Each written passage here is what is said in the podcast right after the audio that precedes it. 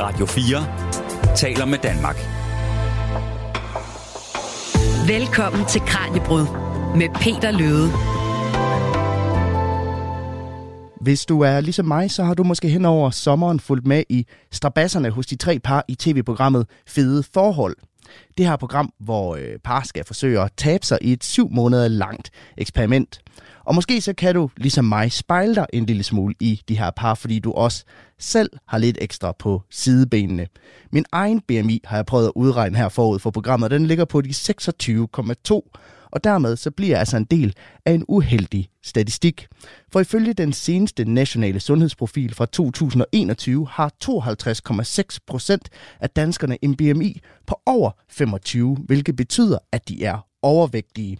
Og det er altså en stigning på 1,6 procentpoint siden 2017. Og alt det her, det var noget af det, som du har beskæftiget dig med, Jens Melgaard Brun, klinisk professor ved Institut for Klinisk Medicin og lægefaglig leder på National Center for Overvægt. Hvorfor tror du, at antallet af overvægtige danskere stiger? Jamen, jeg tror bare, at Danmark afspejler, hvad der sker i resten af verden. Altså, det er faktisk ikke lykket, lykkes noget land eller område eller by at reducere antallet af personer med overvægt eller svær overvægt. Så Danmark, vi er bare en del af en global, øh, kan man sige, trend. Og nu siger du, at det ikke er lykkedes nogen at reducere det. Er der ingen vej tilbage fra det her?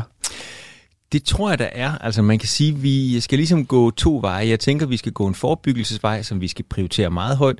Og så skal vi selvfølgelig gå en behandlingsvej, fordi der er nogle af de her personer, som lever med meget svær overvægt, som også har følgetilstanden til det. De skal have noget god behandling, øh, således at de kan reducere øh, vægten og dermed også de komplikationer, som er overvægtsrelaterede. Og der er jo mange, der taler om det her med en, en fedmeepidemi. Altså, at, vi, at den løbet ud af kontrol, når, når hver anden nu vejer for meget? Nogle steder i verden er den faktisk løbet ud af kontrol, men altså i Danmark har vi nogenlunde fod på det, vil jeg sige. Altså hvis man ser på antallet af børn ved udskolingen, som har svær overvægt, altså BMI over mm. 30, så er det kun 3-4 procent, og i europæisk sammenhæng ligger vi faktisk som et af de laveste lande. Øh, så på den måde, så, så har vi i Danmark nogenlunde kontrol over det, men, men det skal selvfølgelig ikke blive en, hvad skal man sige, en sovepude, så derfor skal vi prioritere det her med forebyggelsesindsatserne. Og i dag i Kranjebrud, der ser vi nærmere på alt det, der ligger bag tallene på vægten. Blandt andet så skal vi undersøge, om der kan ligge andre faktorer bag overvægten, end at vi bare er for dårlige til at lette røven og lukke munden, som man siger. Derudover så skal vi også se nærmere på, hvordan de ekstra kilo også oftest fører til stigmatisering, og hvad vi kan gøre allerede i folkeskolen for at forebygge, at vi bliver overvægtige. Velkommen til Kranjebrud. Mit navn er Peter Løde. Du lytter til Kranjebrud på Radio 4. Og min gæst i studiet i dag er som sagt Jens Melgaard Brun, klinisk professor ved Institut for Klinisk Medicin og lægefaglig leder på National Center for Overvægt. Og nu nævnte jeg i starten, at vi er jo i en tid, hvor det at have en BMI på over 25 nærmest er blevet det, det normale. Altså, hvorfor er overvægt overhovedet et problem på sådan et samfundsmæssigt niveau?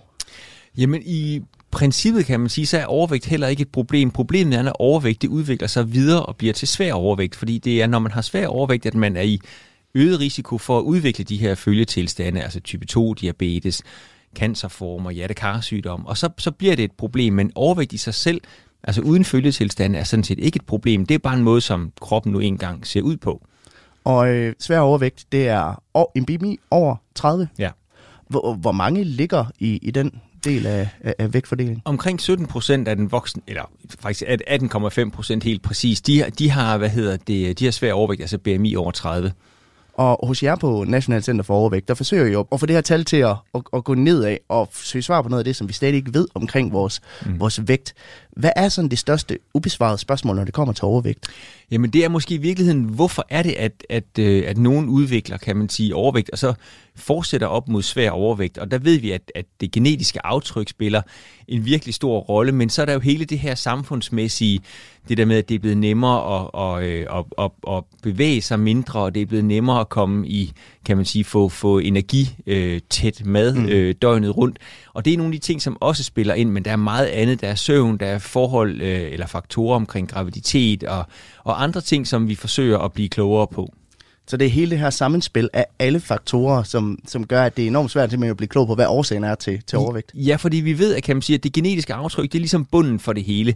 Har du nogle gener, som enten beskytter eller, eller fremmer, at du udvikler overvægt og svær overvægt, jamen de gener skal ligesom folde sig ud på en eller anden måde, og det gør de i en eller anden i en eller anden sammenhæng, som vi endnu ikke har fuldstændig øh, øh, klarhed over, altså netop det der med søvn og, og øh, fødevarer og fysisk aktivitet. Der er nogle ting, som, som vi mangler at, at få helt klarhed over.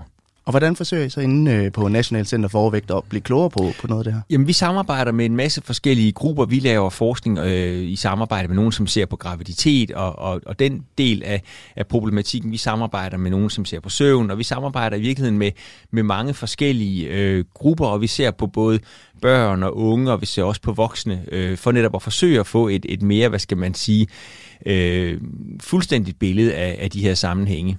Og I har jo lige udgivet resultaterne af et studie på 1.336 mm. patienter, kan jeg forstå, som øh, det, I kalder for et multikomponent livsstilsintervention. Hvad var det, resultaterne var der? Jamen det viste jo, at, øh, at, at, at og det her multikomponent skal vi måske lige forklare, ja. det betyder virkelig, at man, man ser på flere forskellige faktorer. Altså man ser ikke isoleret på diæt, eller på, på fysisk aktivitet, eller på psykologi. Man forsøger ligesom at kombinere tingene på, på så hensigtsmæssig en måde, som man nu, øh, som man nu kan. Og der kunne vi se, at, at, man, at, at selv efter at de ligesom havde været på det her, øh, den her indsats, jamen så, så reducerede de faktisk deres, øh, deres øh, vægt eller deres BMI og var i stand til at fastholde den. Og hos de af de her personer, som faktisk havde diabetes eller forstadier til diabetes, så blev, øh, blev de også øh, forbedret, altså de, kan man sige, forhold omkring øh, sukkersygen. Okay, så det er simpelthen, det, man spillede på flere faktorer. Det var ikke, handlede ikke kun om diæt, og det handlede ikke kun om aktiv mm. livsstil. Det handlede om alle mulige faktorer i, i, i folks liv. Ja, for vi, vi ved faktisk, at i dag, det, det der med kun at, at, at fokusere på diæten, eller kun at fokusere på den fysiske aktivitet, det har nogle effekter, men, men ofte så er effekterne desværre ikke øh, blivende, så derfor er det vigtigt at få andre faktorer ind, og specielt noget af det her omkring det sociale og det psykologiske, det er rigtig vigtigt, og hvis man ser på, på børn og unge for eksempel, jamen, så er det også det her med, at man inddrager familien eller forældrene i forhold til at ændre nogle vaner, ændre øh, livsstilen, således at man kan fastholde no- nogle af de her, kan man sige, positive effekter, man ser under studierne. Ja, for jeg tror rigtig mange har prøvet det her med at kaste ud i et vægttab, og måske har man også set resultater i en tid, og du er gået over på en diæt, du bevæger dig måske mere, men det er som om det ikke rigtig holder, og på et eller andet tidspunkt så viser vægten det samme, som den gjorde i starten. Altså hvorfor, hvad er det, der er så svært i den her proces? Jamen, i, altså kan man sige, kroppen vil altid forsvare den vægt, den nu engang har. Og, og men der skal man huske på, at det at udvikle overvægt og udvikle svær overvægt, det tager typisk mange år, altså det tager lang tid. Og hvis man så pludselig beslutter sig for, eller kan man sige efter fodlæg efter moden overvejelse, beslutter sig for, at nu vil man ændre på det her, så begynder man at skrue på kosten, man begynder at skrue på den fysiske aktivitet, og man gør måske også nogle andre ting øh, i, i ens hverdag. Men på et tidspunkt, så, så falder man måske tilbage i de vaner, man havde før, fordi vi er jo også meget, kan man sige, vanebundne. Altså vi plejer at spise lidt det samme og gøre lidt de samme ting. Øh, så hvis man ændrer for meget i hverdagen, jamen så, så, øh, så er der en, en klar tendens til, at så går man tilbage mod den samme udgangsvægt, som du også beskriver her. Men man taler også meget om det her nu om dagen med at acceptere sin krop, som den, som den er, og der findes jo også tykke aktivister, der endda kæmper for, for, for overvægtige øh, rettigheder. Øh, er, er det ikke folks eget valg at se ud, som man, som man gør? Jo, fuldstændig. Altså, jeg er jo meget sådan pragmatisk. Altså, jeg er ikke specielt sådan religiøs omkring det her.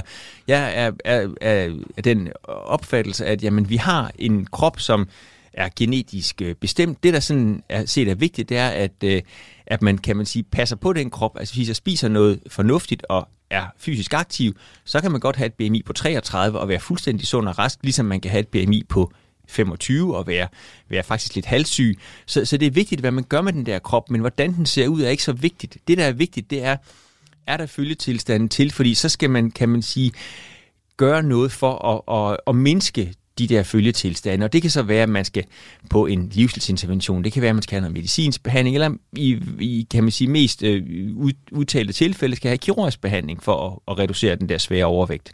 Og om lidt, så tænker jeg, at vi skal prøve at dykke lidt mere ned i nogle af grundene til, at vægten måske viser et lidt højere tal, end man gerne vil have den til. Du lytter til Radio 4.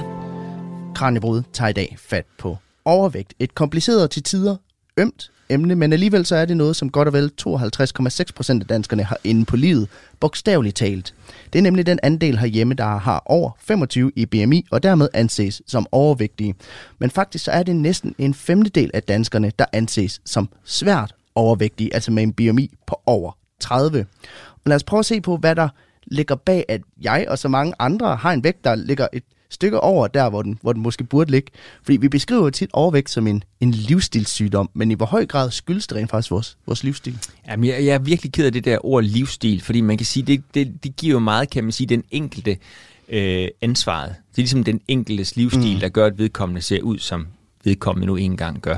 Altså, jeg, jeg tænker, det er vigtigt at, at, at, at slå fast, at de, de gener, man kommer fra, altså familiebaggrunden, de betyder utrolig meget. Og så, hvordan de gener så folder sig ud i, øh, altså på kroppen, og hvordan man ellers ser ud, det, øh, det, det, det, det har selvfølgelig noget med den måde, man lever på at gøre, men, men hvis et genetisk aftryk er ansvarlig for omkring 50, måske 60 procent af den måde, kroppen ser ud på, så er man, så er man hele tiden under et vist pres for, at kroppen vil se ud på den måde. Øhm, så, så på den måde, så er jeg ked af det med livsstilen, men mm. det er klart, det betyder noget, hvad man gør, men det er jo også en mere sundhedsmæssig betragtning. Så det, så det handler ikke kun om, hvordan man lever, det handler simpelthen også om, hvad, altså, hvad vi er født med. Ja, præcis. Men kan man så også sige, at der, der, det for nogen bare vil være deres å i livet at være, være overvægtig? Altså både og, for man kan sige, ået går jo så på, at man skal måske have ekstra opmærksomhed på, hvad man spiser, hvordan man bevæger sig, hvordan man ellers, kan man sige, indretter sin, øh, sin hverdag. Så, så kan man sige, hvis det er et å, jamen så, så er det jo en slags å, men i virkeligheden kan man også vente om at sige, jamen vi burde jo alle sammen fokusere på, på den måde, vi spiser, og det vi spiser, og den måde, vi bevæger os på, og hvordan vi bevæger os, i forhold til at få sådan en generel, øh, kan man sige, sundheds, øh, øh, sundhedsliv. Men er det automatisk usundt at være overvægtig? Nu talte vi om det før. Altså, kan man godt have den her BMI over 30 og leve et langt liv? Sagtens. Sagtens. Altså man kan sige, og det er jo igen noget, hvor, hvor generne også spiller ind. Er der for eksempel nogen i familien, der har type 2-diabetes, eller hjertekarsygdom, eller noget andet, jamen sige, så, så vil et højere BMI øge risikoen for at få de her følgetilstande. Men man kan sagtens have et BMI på 33-34, og være, kan man sige, sund og rask. Øh, forstået på den måde, man har normal blodsukker og, og blodtryk osv. Og så men nu talte vi om i starten, at øh, antallet af overvægtige jo, stiger herhjemme. Hvad er det, der har ændret sig i den måde, vi, den måde, vi lever på, der gør, at det her tal det stiger? Jamen, det, det er mange forskellige faktorer. Altså, man, man kan man sige, griber tit i det der med, at vi, vi spiser mere usundt og bevæger os mindre. Og det er selvfølgelig en, en meget, meget væsentlig øh, øh, årsag til, at, øh, at, at det ser ud, som det gør. Men, men der er også mange andre faktorer, som man mm. har, hvad skal man sige, fået mere og mere fokus på. Altså, hvis jeg må tage et eksempel fra, fra, fra børneverdenen, så hvis børn sover mindre, altså kortere tid end svarende til det, man anbefaler for deres alder, så er de faktisk også i øget risiko for at udvikle øh, svær overvægt. Og man kan sige, det der er i dag, det er jo, at vi er jo hele tiden øh, øh, opmærksom på den telefon eller den skærm, vi hele tiden har øh, omkring os. Og hvis man så for eksempel om aftenen, så sidder man og kigger på sin telefon eller sin iPad, i stedet for ligesom at komme i seng og få sovet det, man nu burde, jamen så, så ændrer det jo også på den der risikoprofil, man så har. Så der, der er enormt mange faktorer. Det er ikke kun, at vi spiser mere junkfood og laver mere stillesiddende arbejde. Nej, det, det ville være den meget enkle øh, øh, løsning på det, hvis man ligesom kunne, kunne, kunne lukke altså for alt, kan man sige, den der øh, energitætte med, og så måske sige, at i stedet for bilerne, så skulle man så cykle eller gå øh, rundt. Men hvilken rolle spiller det så, at vi... Jeg synes jo tit, at det, det er nemmere at tage det på, end det er at, at, at smide det igen. Spiller det også en rolle, at vi, øh, at vi er for dårlig til at få smidt den ekstra vægt? Jamen altså, kroppen vil altid forsvare. Øh, altså, kropsvægten er på en eller anden måde meget, meget vigtig, fordi det er jo et sundhed, eller kan man sige, det er et sundhedstegn at være vægtstabil. Og, og kroppen er ikke sådan så, så ked af, at vægten stiger, men kroppen er utrolig ked af, når vægten bliver lavere. Mm. Det, tager, det tager kroppen som et øh, tegn på, på sygdom, og, øh, og dermed også, kan man sige, forsøger at forsvare kropsvægten med, med alle de øh, midler, man nu engang har, altså sultsignaler og, og forsøger at nedregulere øh, stofgiftet, således at man ligesom, kan man sige, kan forsvare den vægt, man nu engang har. Så hvad er den største ukendte faktor i, i, i vores overvægt, og I, I afgør, hvad vi vejer? Fordi rigtig mange kender jo mad og inaktivitet og alt det her, men hvad er den største ukendte faktor i det? Jamen, vi kender ikke den største ukendte faktor. Vi kan bare se, at puslespillet, det, det, øh, det har en masse brikker, og der, der er stadigvæk nogle brikker, vi ikke helt har fundet endnu. Men, men kombinationen af ting øh, gør altså, at, øh, at, at kan man sige, man udvikler overvægt sammen med, at man kan man sige, måske spiser mere uhensigtsmæssigt og bevæger sig mindre. Så det er sådan en kombination af, af de her mange forskellige faktorer. Og det, alt det her med det genetiske og det her, det er vel også noget af det, vi begynder at blive klogere på nu? Vi bliver meget klogere på det, og, og, og man kan sige, de gener, der er fundet indtil videre, der er mere end 200 øh, overvægtsrelaterede gener efterhånden, men, men hvert enkelt gen tæller i virkeligheden ganske, ganske ubetydeligt, øh, når man sådan ser på, på, på BMI-målet. Men koblingen af generne og antallet af gener, som ligesom som, som, som den enkelte person har, betyder meget, også i forhold til søvn og i forhold til, øh, hvad vi spiser og hvordan vi bevæger os. Men hvis man så har den her genetiske disposition for at, at, at blive overvægtig, hjælper alle de her livsstilsændringer så noget som helst på at, at ændre ens vægt? Nej, måske ikke på vægten, men det hjælper noget på sundheden generelt. For man kan sige, hvis du går fra at spise en kost, som er meget, hvad skal man sige, energitæt eller fast food-agtig, hvis jeg må tillade mig at sige det, øh, og, og du ikke bevæger dig, men så har du, kan man sige, en usund livsstil. Men hvis du så får den samme vægt, eller det samme BMI, ændrer din kost, så den bliver mere sund, du bevæger dig noget mere, jamen det kan godt ske, at du ikke ændrer vægten så meget, men til gengæld så forbedrer du din sundhed ganske betydeligt. Så vi har et for snævert syn på det her med overvægt som noget, der, der er lige med at være usund. Ja. Men i hvor høj grad er den usunde overvægt så et medicinsk og lægefagligt problem, og i hvor høj grad er det et adfærdsmæssigt problem? Jamen, det er lidt en kombination af, af begge dele, fordi en, en, en hver, kan man sige, behandling, vi laver, øh, altså medicinsk behandling eller kirurgisk behandling, de, de er alle, de begge to koblet tæt sammen med en ændring af adfærden. Blandt andet fokus på, at man spiser mere lødigt og er mere fysisk aktiv. Og så kan man sige, så er medicinen og så er kirurgien det er et supplement til, øh, til den der livsstilsændring. Og for nylig, så blev der jo faktisk fundet en sammenhæng mellem PFAS overvægt. Og derfor så havde jeg øh, for et par måneder siden inviteret professor Philip Grandjean i studiet til en snak om den her sammenhæng. Og det interview tænker jeg, vi skal høre et klip fra lige om lidt.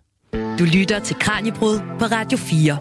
For der er sandsynligvis en forbindelse mellem store mængder PFAS i kroppen og lidt for meget på sidebenene. Tilbage i juni i år havde jeg besøg af professor i miljømedicin Philippe Grandjean på en forbindelse.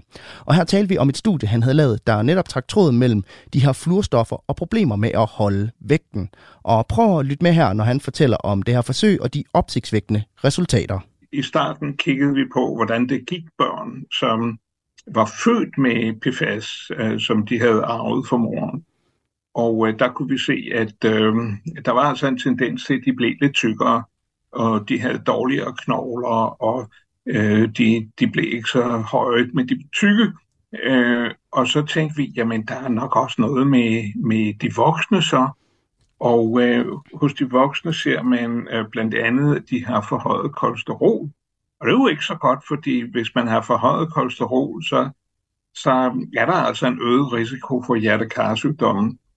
Men så fandt vi sammen med øh, en, en kollega, øh, professor Arne Astrup, som øh, havde stået for en, en stor europæisk undersøgelse øh, i otte lande af overvægtige voksne, som øh, først lige skulle tage sig nogle kilo, øh, og så blev de sat på øh, fem forskellige slags kost øh, med, med meget øh, stivelse eller lidt stivelse og protein og, og, og fedt osv. Og, så og, øh, øh, og forsøget viste, at man altså godt kunne øh, spise en masse protein og så holde vægten lidt nede. Så det, det var jo et vældig godt forsøg. Vi fik lov til at måle PFAS i blodprøverne fra starten. Mm. Og så kunne vi se, at uh, lige meget hvad, hvad folk spiste, uh, så tog de på, uh, hvis de havde meget PFAS i deres blodprøve. Hvis ikke de havde noget særligt uh, PFAS, jamen øh, så kunne de godt holde vægten nede. Og øh, det viser sig, at det, det stemte fuldstændig overens med øh, undersøgelser i udlandet, hvis man ligesom stykkede dem sammen. Så, men vores undersøgelse med, med Arne, Arne Astrup, den, den undersøgelse var jo simpelthen øh, det, man kalder øh, et lodtrækningsforsøg. Øh, og det vil sige, at det var fuldstændig tilfældigt, om folk spiste den ene diæt eller den anden diæt, og hvor meget det lige præcis vejede, om det var mænd eller kvinder. Og vi kunne se, at det her med, at PFAS medførte, at de tog, ja, altså dem, der havde øh, den, den højeste PFAS, de tog mindst 5 kilo mere på, end dem, der havde mindst. Altså, det, og 5 kilo på et år, det er altså meget. Mm. Og, og der må jeg sige, det, det, det er ikke noget, de bare spiste sig til. Jo, det kan godt være, at de spiste, men det var ikke kostens skyld. Det var simpelthen, fordi de, de havde i uh, tilværelsens forløb, øh, indtil de startede i forsøget, så havde de altså ophobet de her evighedskemikalier i kroppen, som på en eller anden måde påvirkede deres lever og deres stofskifte, sådan at de ikke kunne forbrænde kalorier øh, så godt, og de oplagrede mere energi som fedt. Og det øh, passer jo udmærket sammen med, at vi ser, at der er mere overvægt i samfundet, og tidsforløbet stemmer også overens. Det er, når, når vi er blevet tykkere og federe, så er det jo altså ikke kun fordi, vi, vi spiser den forkerte kost, og vi ikke motionerer så meget, øh, for det kan nemlig ikke forklare det hele. Så det er meget sandsynligt, at PFAS og måske nogle andre tilsvarende kemiske stoffer spiller en rolle for, at vi har lidt svært ved at holde vægten. Så det er simpelthen, altså, øh, det, det ændrer vores opfattelse af overvægt og, og, og fedme i en eller anden grad? Ja, det kan man sige. Altså, det, i, i virkeligheden er der både øh, godt nyt og dårligt nyt. Det, det er dårligt nyt, fordi det er altså øh, noget, som er svært at kontrollere, det der øh, med PFAS, at man får forurening i sig. Det er lidt svært. Mm. Men den gode nyhed er, at nu skal vi ikke bare pege fingre af de, dem, der er lidt tykkere end os selv, hvis der er nogen, øh, og så sige, de, de motionerer for lidt, og de spiser forkert. Det kan sagtens være, fordi de har været så uheldige, at de på en eller anden måde har fået nogle giftstoffer i sig, øh, specielt PFAS, måske også nogle andre, øh, og som har øh, påvirket deres stofskifte, så, så de er taget på af den grund. Så det ikke er deres egen skyld. Men har man nogen teori om, hvorfor PFAS har den her effekt på os? Altså, hvad er det med de her stoffer, der gør det sværere for os at holde vægten, eller gør det sværere for os at danne de her antistoffer, som I så tidligere? Det, der, er mange, der er mange teorier, fordi der, der er efterhånden i løbet af de sidste 20 år, er der, er der lavet rigtig mange dyreforsøg. Så, så vi ved, at, at øh, PFAS øh, kan påvirke vores stofskifte. Det giver forhøjet kolesterol, øh, og vi, vi ved, at øh, for eksempel øh, når man sover, så øh, øh, kører stofskiftet jo alligevel det, man kalder hvilestofskiftet. Og der kan man se, at dem, der har rigtig meget PFAS i kroppen, de, de sænker deres stofskifte til næsten ingenting, mens øh, dem, der har, øh, ikke har så meget PFAS i kroppen, øh, de brænder stadigvæk kalorier af, selvom de sover. Og, og det må man jo sige, at det, det er bedre at brænde dem af, mens man sover, end at tage på i vægt. Så, så der er simpelthen der, der er en række for, øh, mekanismer, der er en række effekter, som vi kender fra uh, dyreforsøg, der har noget at gøre med enzymer og øh, stofskifteprocesser. Og, og hvad der lige præcis hos den enkelte person er det mest afgørende, det, det, det ved man jo ikke rigtigt. Men, men det her er i hvert fald noget, vi også kender fra dyreforsøg. Og det var altså professor i miljømedicin Philip Grandjean, der gæstede studiet den 1. juni i år. Og Jens Melgaard den her sammenhæng mellem PFAS og, og overvægt, kunne den spille ind i, i den her stigning i, i overvægten også? Jeg tror ikke så meget, den måske spiller ind i selve stigningen, men, men der, hvor den, kan man sige, spiller ind, og det er faktisk en, en, øh, også en pointe i forhold til, hvor, hvor, hvor måske hvor mange puslespilsbrikker vi i virkeligheden mangler. Altså det, som studiet viser, og det er jo et, et rigtig fint studie, det viser, at øh, de personer, som har meget PFAS i kroppen, de er faktisk svære ved at, hvad skal man sige, vedligeholde et vægttab. Mm. Så i virkeligheden kan man sige, studiet viser, at man kan godt reducere sin vægt, men det er sværere at vedligeholde vægttabet, hvis man har flere af de her fluorstoffer i, øh, i kroppen. Så det er en, en vigtig puslespilsbrik, øh, som vi nu kan putte ned og sige, jamen den her sammenhæng er også betydende i forhold til, til hele overvægtsproblematikken. Ja, for vi har talt om, om genetiske årsager til overvægt, vi har talt om adfærdsmæssige årsager til overvægt, men kan der være nogle ydre faktorer, der simpelthen også øh, påvirker vores, vores vægt? Det er jeg slet ikke i tvivl om, at der er. Det der så skal man sige, selvfølgelig er pointen, det er, at vi har endnu ikke afdækket alle de her miljømæssige øh, forhold. Og, og man må sige, på den måde, så bliver vi jo også klogere hele tiden, for hvis man ser på, på, øh, på den øh, nyhedsstrøm, der er, så, så får vi jo mere og mere viden omkring nogle af de her, hvad skal man sige, miljømæssige faktorer, som har betydning for, for sundhed og sygdom.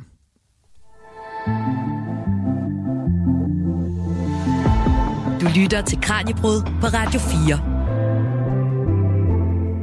Hvis du er overvægtig, så er du faktisk en del af flertallet. 52,6 procent af danskerne har nemlig en BMI på over 25 ifølge den nationale sundhedsprofil. Og knapt hver femte dansker er svært overvægtig med en BMI på over 30. Og det er den her statistik, som vi går i kød på i Kranjebrud i dag, hvor vi forsøger at forstå de dybere dynamikker bag overvægten. Dagens gæst her i studiet er Jens Melgaard Brun, klinisk professor ved Institut for Klinisk Medicin og lægefaglig leder på Nationalt Center for overvægt.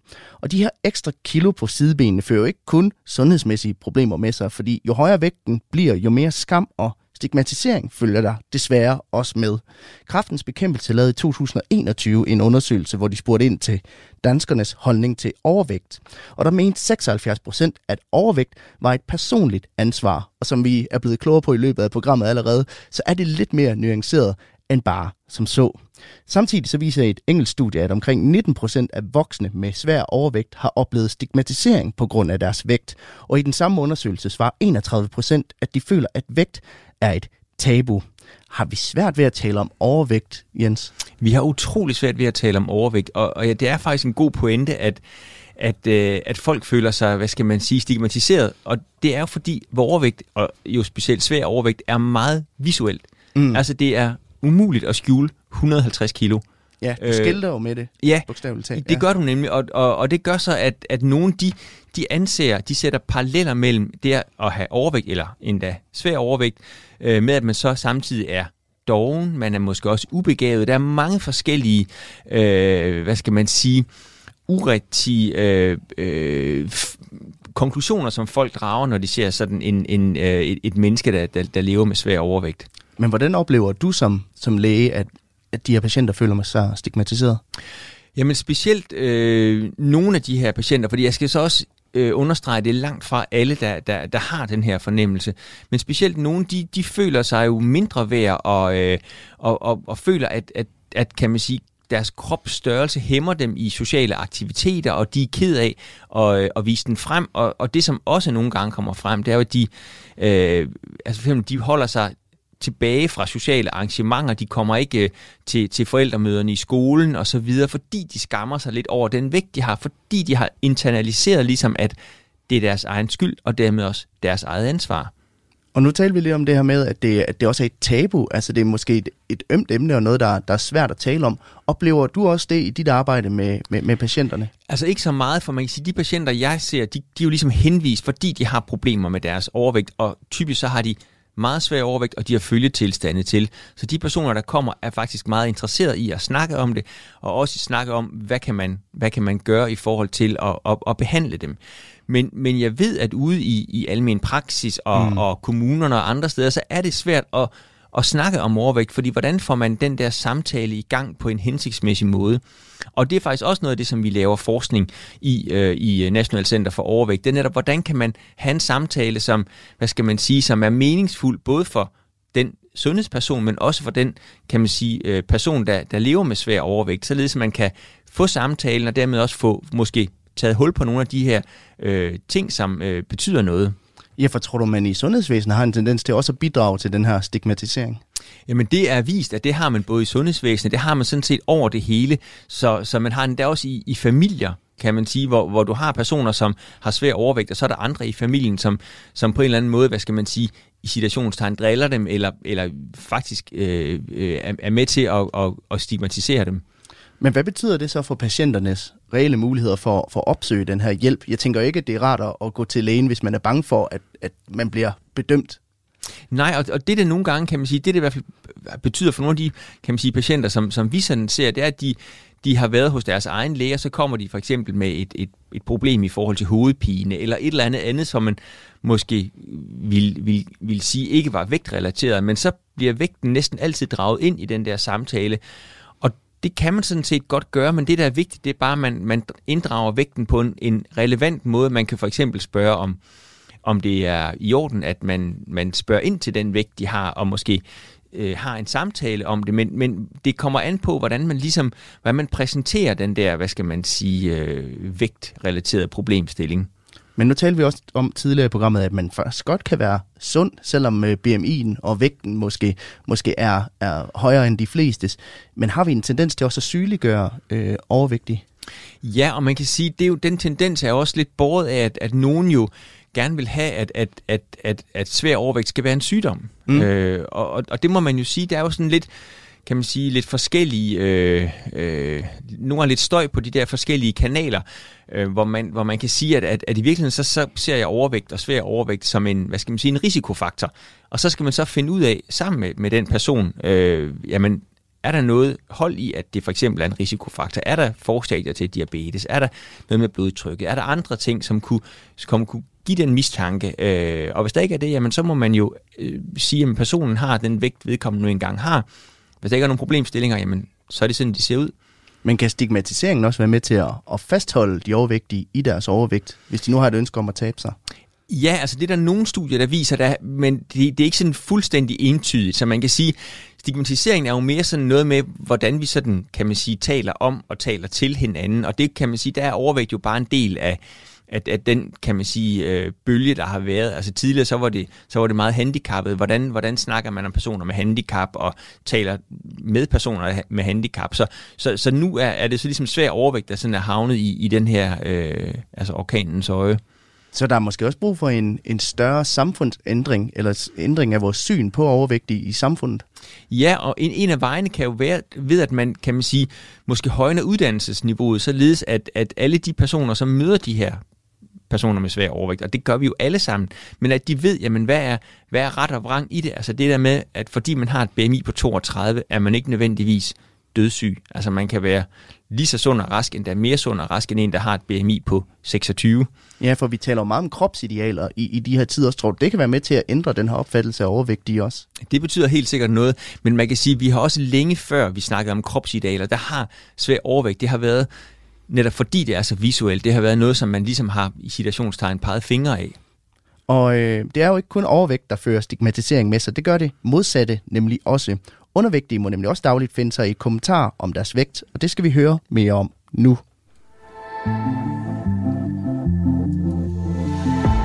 Du lytter til Kranjebrud på Radio 4. For det er desværre ikke kun personer med overvægt, der risikerer at blive stigmatiseret og peget fingre af. Det kan nemlig også ramme tynde mennesker. Det har vi tidligere lavet et program om her i Kranjebrud, hvor det handlede om den gruppe af mennesker, der forbliver meget tynde, uanset hvad de gør for at tage på. Dem, som nogle forskere kalder for de naturligt tynde. Og vi skal lige prøve at lytte til en lille bid fra det program, og det er med sundhedsdebattøren Morten Svane, der er kant IT med speciale i sociale medier. Og Morten Svane fortæller, at meget tynde mennesker også kan risikere at få nogle alvorlige rap i det digitale univers. Og det er netop fordi, at så mange andre danskere slås med overvægt. Rigtig meget skyldes nok, at vi har et lidt andet syn på tynde mennesker end på for eksempel tykke mennesker. Øh, forstået på den måde, at Ja, nogen ser det næsten lidt som sådan et luksusproblem at være, være særligt tynd eller have svært ved at tage på. Øh, så er det sådan noget med, så må du bare spise lidt mere øh, og komme ligesom, hvor, hvor er det synd for dig, at du ikke kan tage på.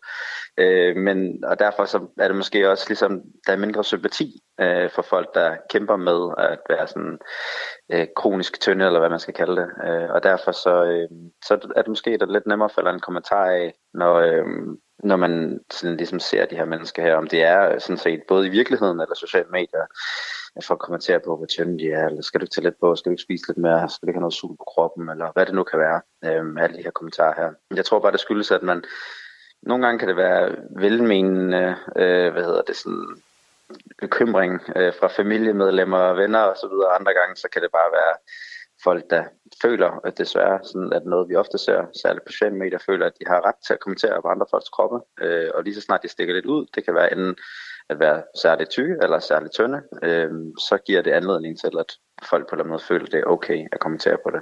Men hvorfor tænker de ikke så langt, at de kan ramme nogen? Ja, det er et godt spørgsmål. Nogle gange så, øh, så tror jeg, det kan handle om, at, at øh, ja, man egentlig ikke, som du selv siger sådan, i din undren, at man ikke tænker så langt. Hvis man ikke, hvis man ikke selv på noget tidspunkt er blevet ramt hårdt af en kommentar på ens, om, om ens krop, så kan det være svært at forestille sig, hvor hårdt det egentlig kan ramme. Um, og jeg tror at nogle gange, at de her personer, øh, der kommenterer på det, ikke nødvendigt, altså jeg tror, det falder lidt to lejre. Jeg tror, der er nogle personer, som ikke nødvendigvis tænker over, hvordan det kan ramme, øh, og måske, som siger, det kan være sådan en eller anden form for misforstået, hvad hedder det, sådan velmenende kommentar. Øh, eller det kan være folk, som bare altså, er nogle røvhuller. de findes også, øh, og derfor føler jeg, at det er deres ret til at skulle kommentere på folk. Altså der er bare, de mennesker, de mennesker findes også, og dem ser man i kommentarsporene over det hele på sociale medier. Øhm, men jeg tror generelt bare, at vi har haft en kultur, hvor det har været meget normalt at kommentere på hinandens kroppe. Vi alle sammen har sikkert prøvet til et eller andet familiefest på et tidspunkt, hvor en øh, onkel, øh, faster, et eller andet har du ved, givet et kram, og så har de sagt, åh, du er ved at blive lidt, øh, er du ikke ved at blive lidt tynd, eller er du ikke, skal du ikke have noget mere med, eller er du ikke ved at blive lidt stor, skal du, øh, du ved. Sådan nogle kommentarer, som egentlig er meget normale i vores kultur, men som jeg i hvert fald ved fra alle dem, jeg har talt med gennem tiden, kan være enormt sårende og meget rammende, og noget, som man så tager med sig i årene efterfølgende, hvor man ligesom lige pludselig kan have svært ved at give folk kram, fordi de er bange for, hvad de tænker om en, eller har fået en kommentar på, at ens bukser sidder meget løst, eller meget stramt, eller eller andet, så derfor ikke har lyst til at bukser på fremover, men prøver, at, altså sådan, sådan nogle kommentarer, de hænger ved, og de, de har det med at, øh, at ramme folk ret meget. Men tænker du, at det er noget, vi skal gøre noget ved? Altså enten ved at måske begrænse afsendernes kommentarer, eller ruste modtagerne bedre til at modtage dem? Jeg synes, jeg synes egentlig, den ligger hos, hos afsenderne. Altså, jeg synes ikke, det skal være dem, der modtager ansvar, at, at, at, at ligesom øh, bekæmpe det, selvom det på en eller anden måde næsten desværre bliver sådan. Men, øh, men jeg synes, der ligger en sådan fælles, øh, en sådan kollektiv opdragelsesopgave øh, opgave i, at vi bare skal lære, at det sådan set ikke er okay at kommentere på folks kroppe, medmindre vi er blevet spurgt om det. Medmindre vi specifikt er blevet inviteret til at gøre det, så er der bare ikke rigtig nogen grund til at gøre det.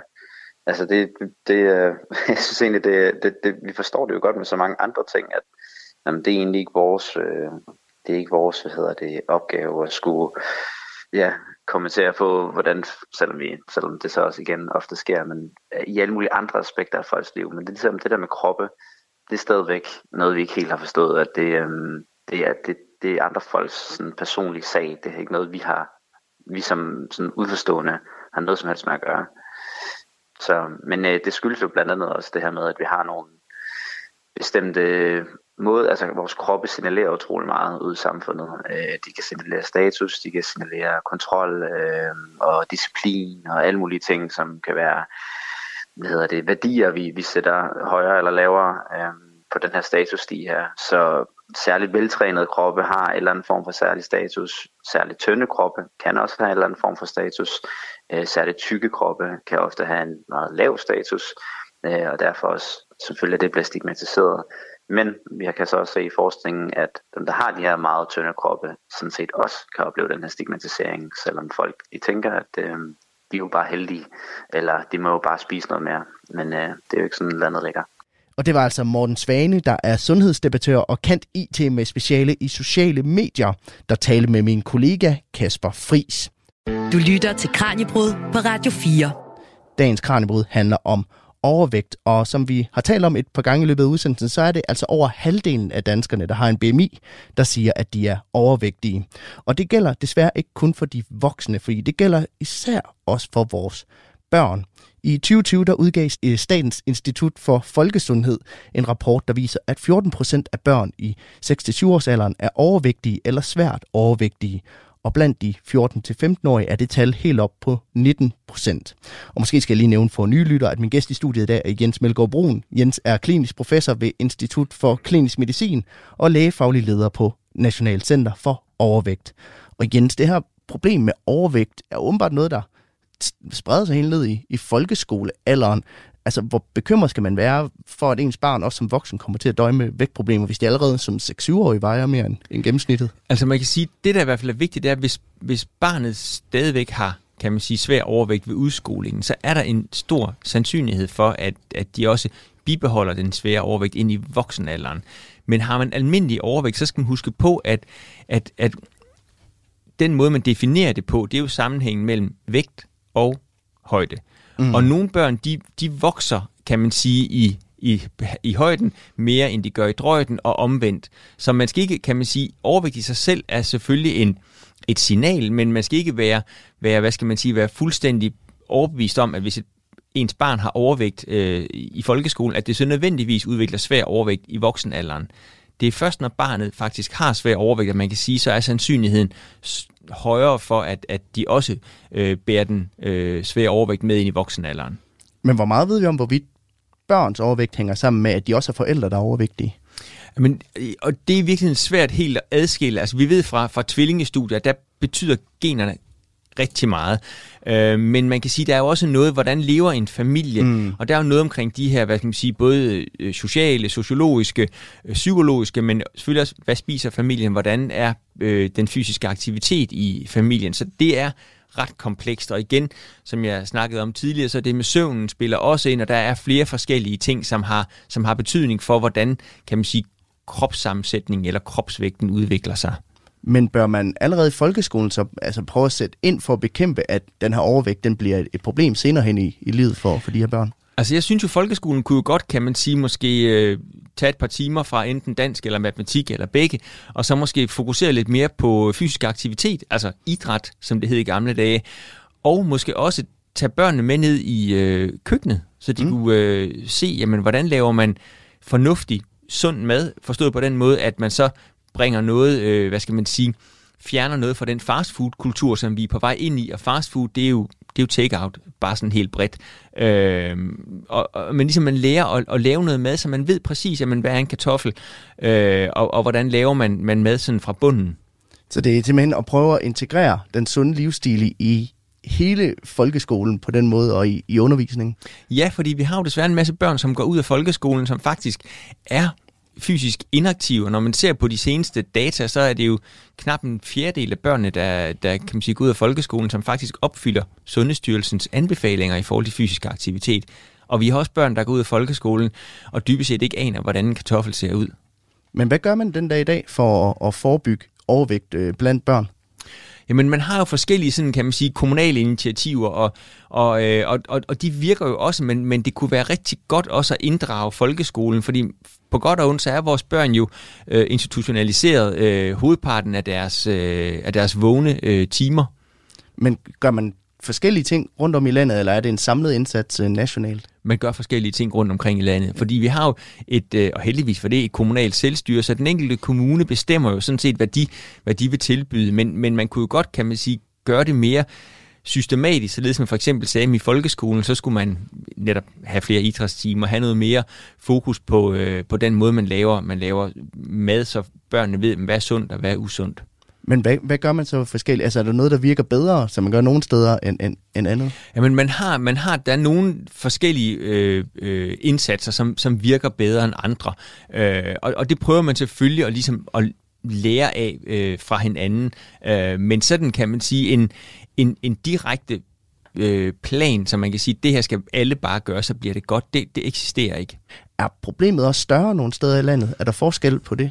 Der er en, en, en klar social gradient, forstået på den måde, at, at, at øh, kommuner med, med en gennemsnitlig lavere øh, øh, uddannelseslængde og, og dermed også husstandsindkomst, jamen der er mere overvægt og svær overvægt sammenlignet med for eksempel de kommuner, hvor, hvor den gennemsnitlige indkomst er højere.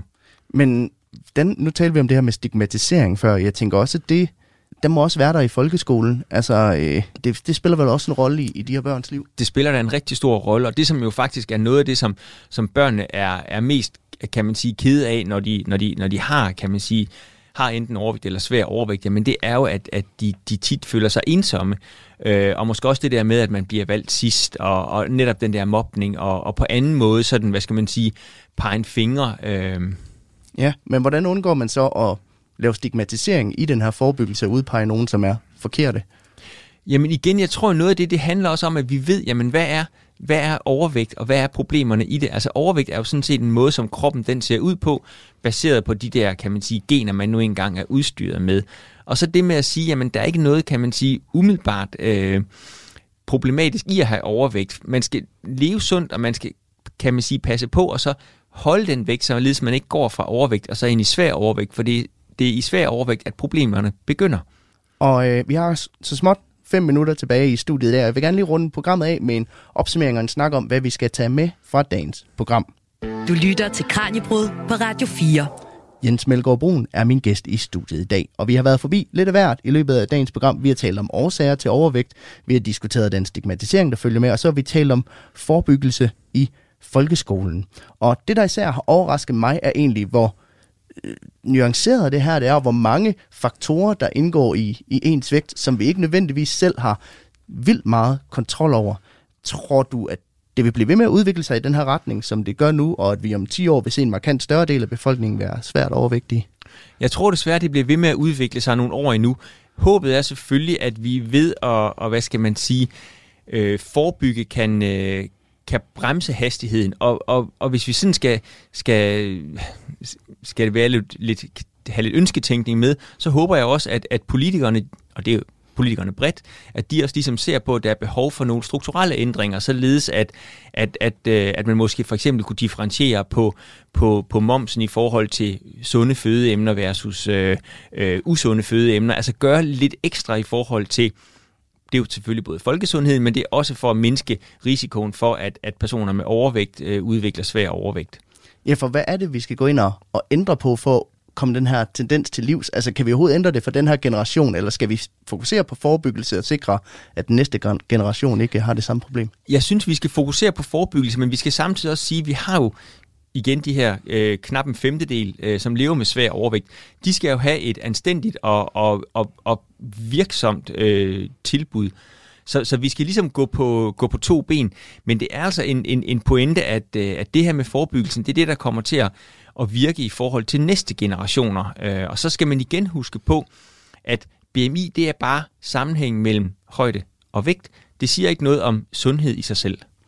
Men det er vel også lettere sagt end gjort, tænker jeg. Altså, det kræver vel, at man ændrer en hel nations vaner. Ja, og øh, man kan jo se, hvor mange år det tog, før man ændrede for eksempel på cigaretkulturen. Altså, der var jo i mange, mange år, hvor vi vidste, at øh, det at ryge, det gav cancer, og det gav hjertekarsygdom, og man døde tidligere.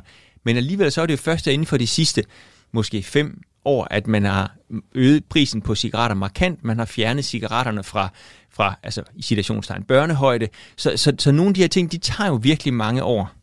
Og nu, øh, nu nævner du det her med, med cigaretpriser og måske at ændre på nogle momsregler for fødevarer, men vi taler jo også om det her med, at overvægt var øh, særligt udbredt i, i, i nogle visse dele af befolkningen. Er det pengepunkten, man skal ramme folk på for at ændre deres vaner, tror du? Altså måske, eller også skal man måske gøre det modsatte. Man skal sige, at det bliver billigere for eksempel at købe sundere fødevarer. For i dag der er det jo faktisk relativt billigt øh, at købe nogle af de her meget usunde fødevarer. Man kan jo se, når børnene de går øh, i, i spisefrikvarteret, går fra folkeskolen over i den lokale øh, øh, Netto eller, eller Aldi, og, og hvad de så køber derover og, og det er jo noget værre skrammel, det de slæber med tilbage og spiser. Og øh, inde hos jer på National Center for Overvægt, der, der gør I jo en hel masse. Vi har også talt en masse om, om nogle af jeres projekter. Hvordan kan I bidrage til nye løsninger inde hos jer? Jamen, vi forsøger jo at lave, kan man sige, noget forskningsbaseret, og så forsøger vi også at lave noget, kan man sige, oplysningsbaseret, og så har vi samarbejde med, med mange forskellige øh, aktører. Altså, vi har med Sundhedsstyrelsen, vi har med, med øh, kræftens bekæmpelse, hvor vi, kan man sige, sammen forsøger at, og, hvad skal man sige, lave en dagsorden, og også lave noget, som, som måske rækker, og det er jo igen ud i fremtiden. Og vi skal så småt til at runde af. Jeg vil gerne høre, at er der et eller andet, du vil give lytterne med på vejen her til, her til sidst? Jamen jeg tror, det vigtigste budskab, det er sådan set, at, at, at overvægt, øh, og endda svær overvægt i sig selv, ikke nødvendigvis øh, er lige med sygdom, og øh, at man er nødt til at, hvad skal man sige, kunne tale om, om, øh, om både overvægt og svær overvægt, og så skal man jo i virkeligheden bare øh, huske på, at det er mennesker, Jens Melgaard Brun, klinisk professor ved Institut for Klinisk Medicin og lægefaglig leder på National Center for Overvægt. Tak fordi du vil gæste studiet i dag. Du lytter til Kranjebrud på Radio 4. Og så vil jeg også række en tak ud til dig, der lyttede med, og sige tusind tak for i dag.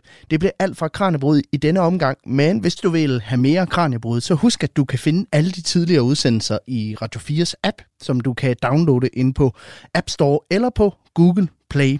Der kan du blandt andet også finde det her afsnit om sammenhængen mellem PFAS og overvægt. Det er tilbage fra juni i år. Vi lyttes ved igen i morgen. Jeg hedder Peter Løde. Programmet er produceret af Videnslyd for Radio 4. Tusind tak for i dag. Musik er en hurtig genvej til at komme ind bag facaden. Hvis man skal sige essensen af, hvem er jeg, så er det de samme. Ind bag den offentlige person. De synger også irriterende godt. I Portrætalbum bruger Anders Bøtter musikken til at vise nye sider af sine gæster. Gita Nørby, Tim Christensen, Sofie Gråbøl, Anders Akker, Allan Olsen. Både dem, du er fan af, og dem, du ikke troede, du havde noget til fælles med. Velkommen til Portrætalbum. Lyt til Portrætalbum i Radio 4's app, eller der, hvor du lytter til podcast.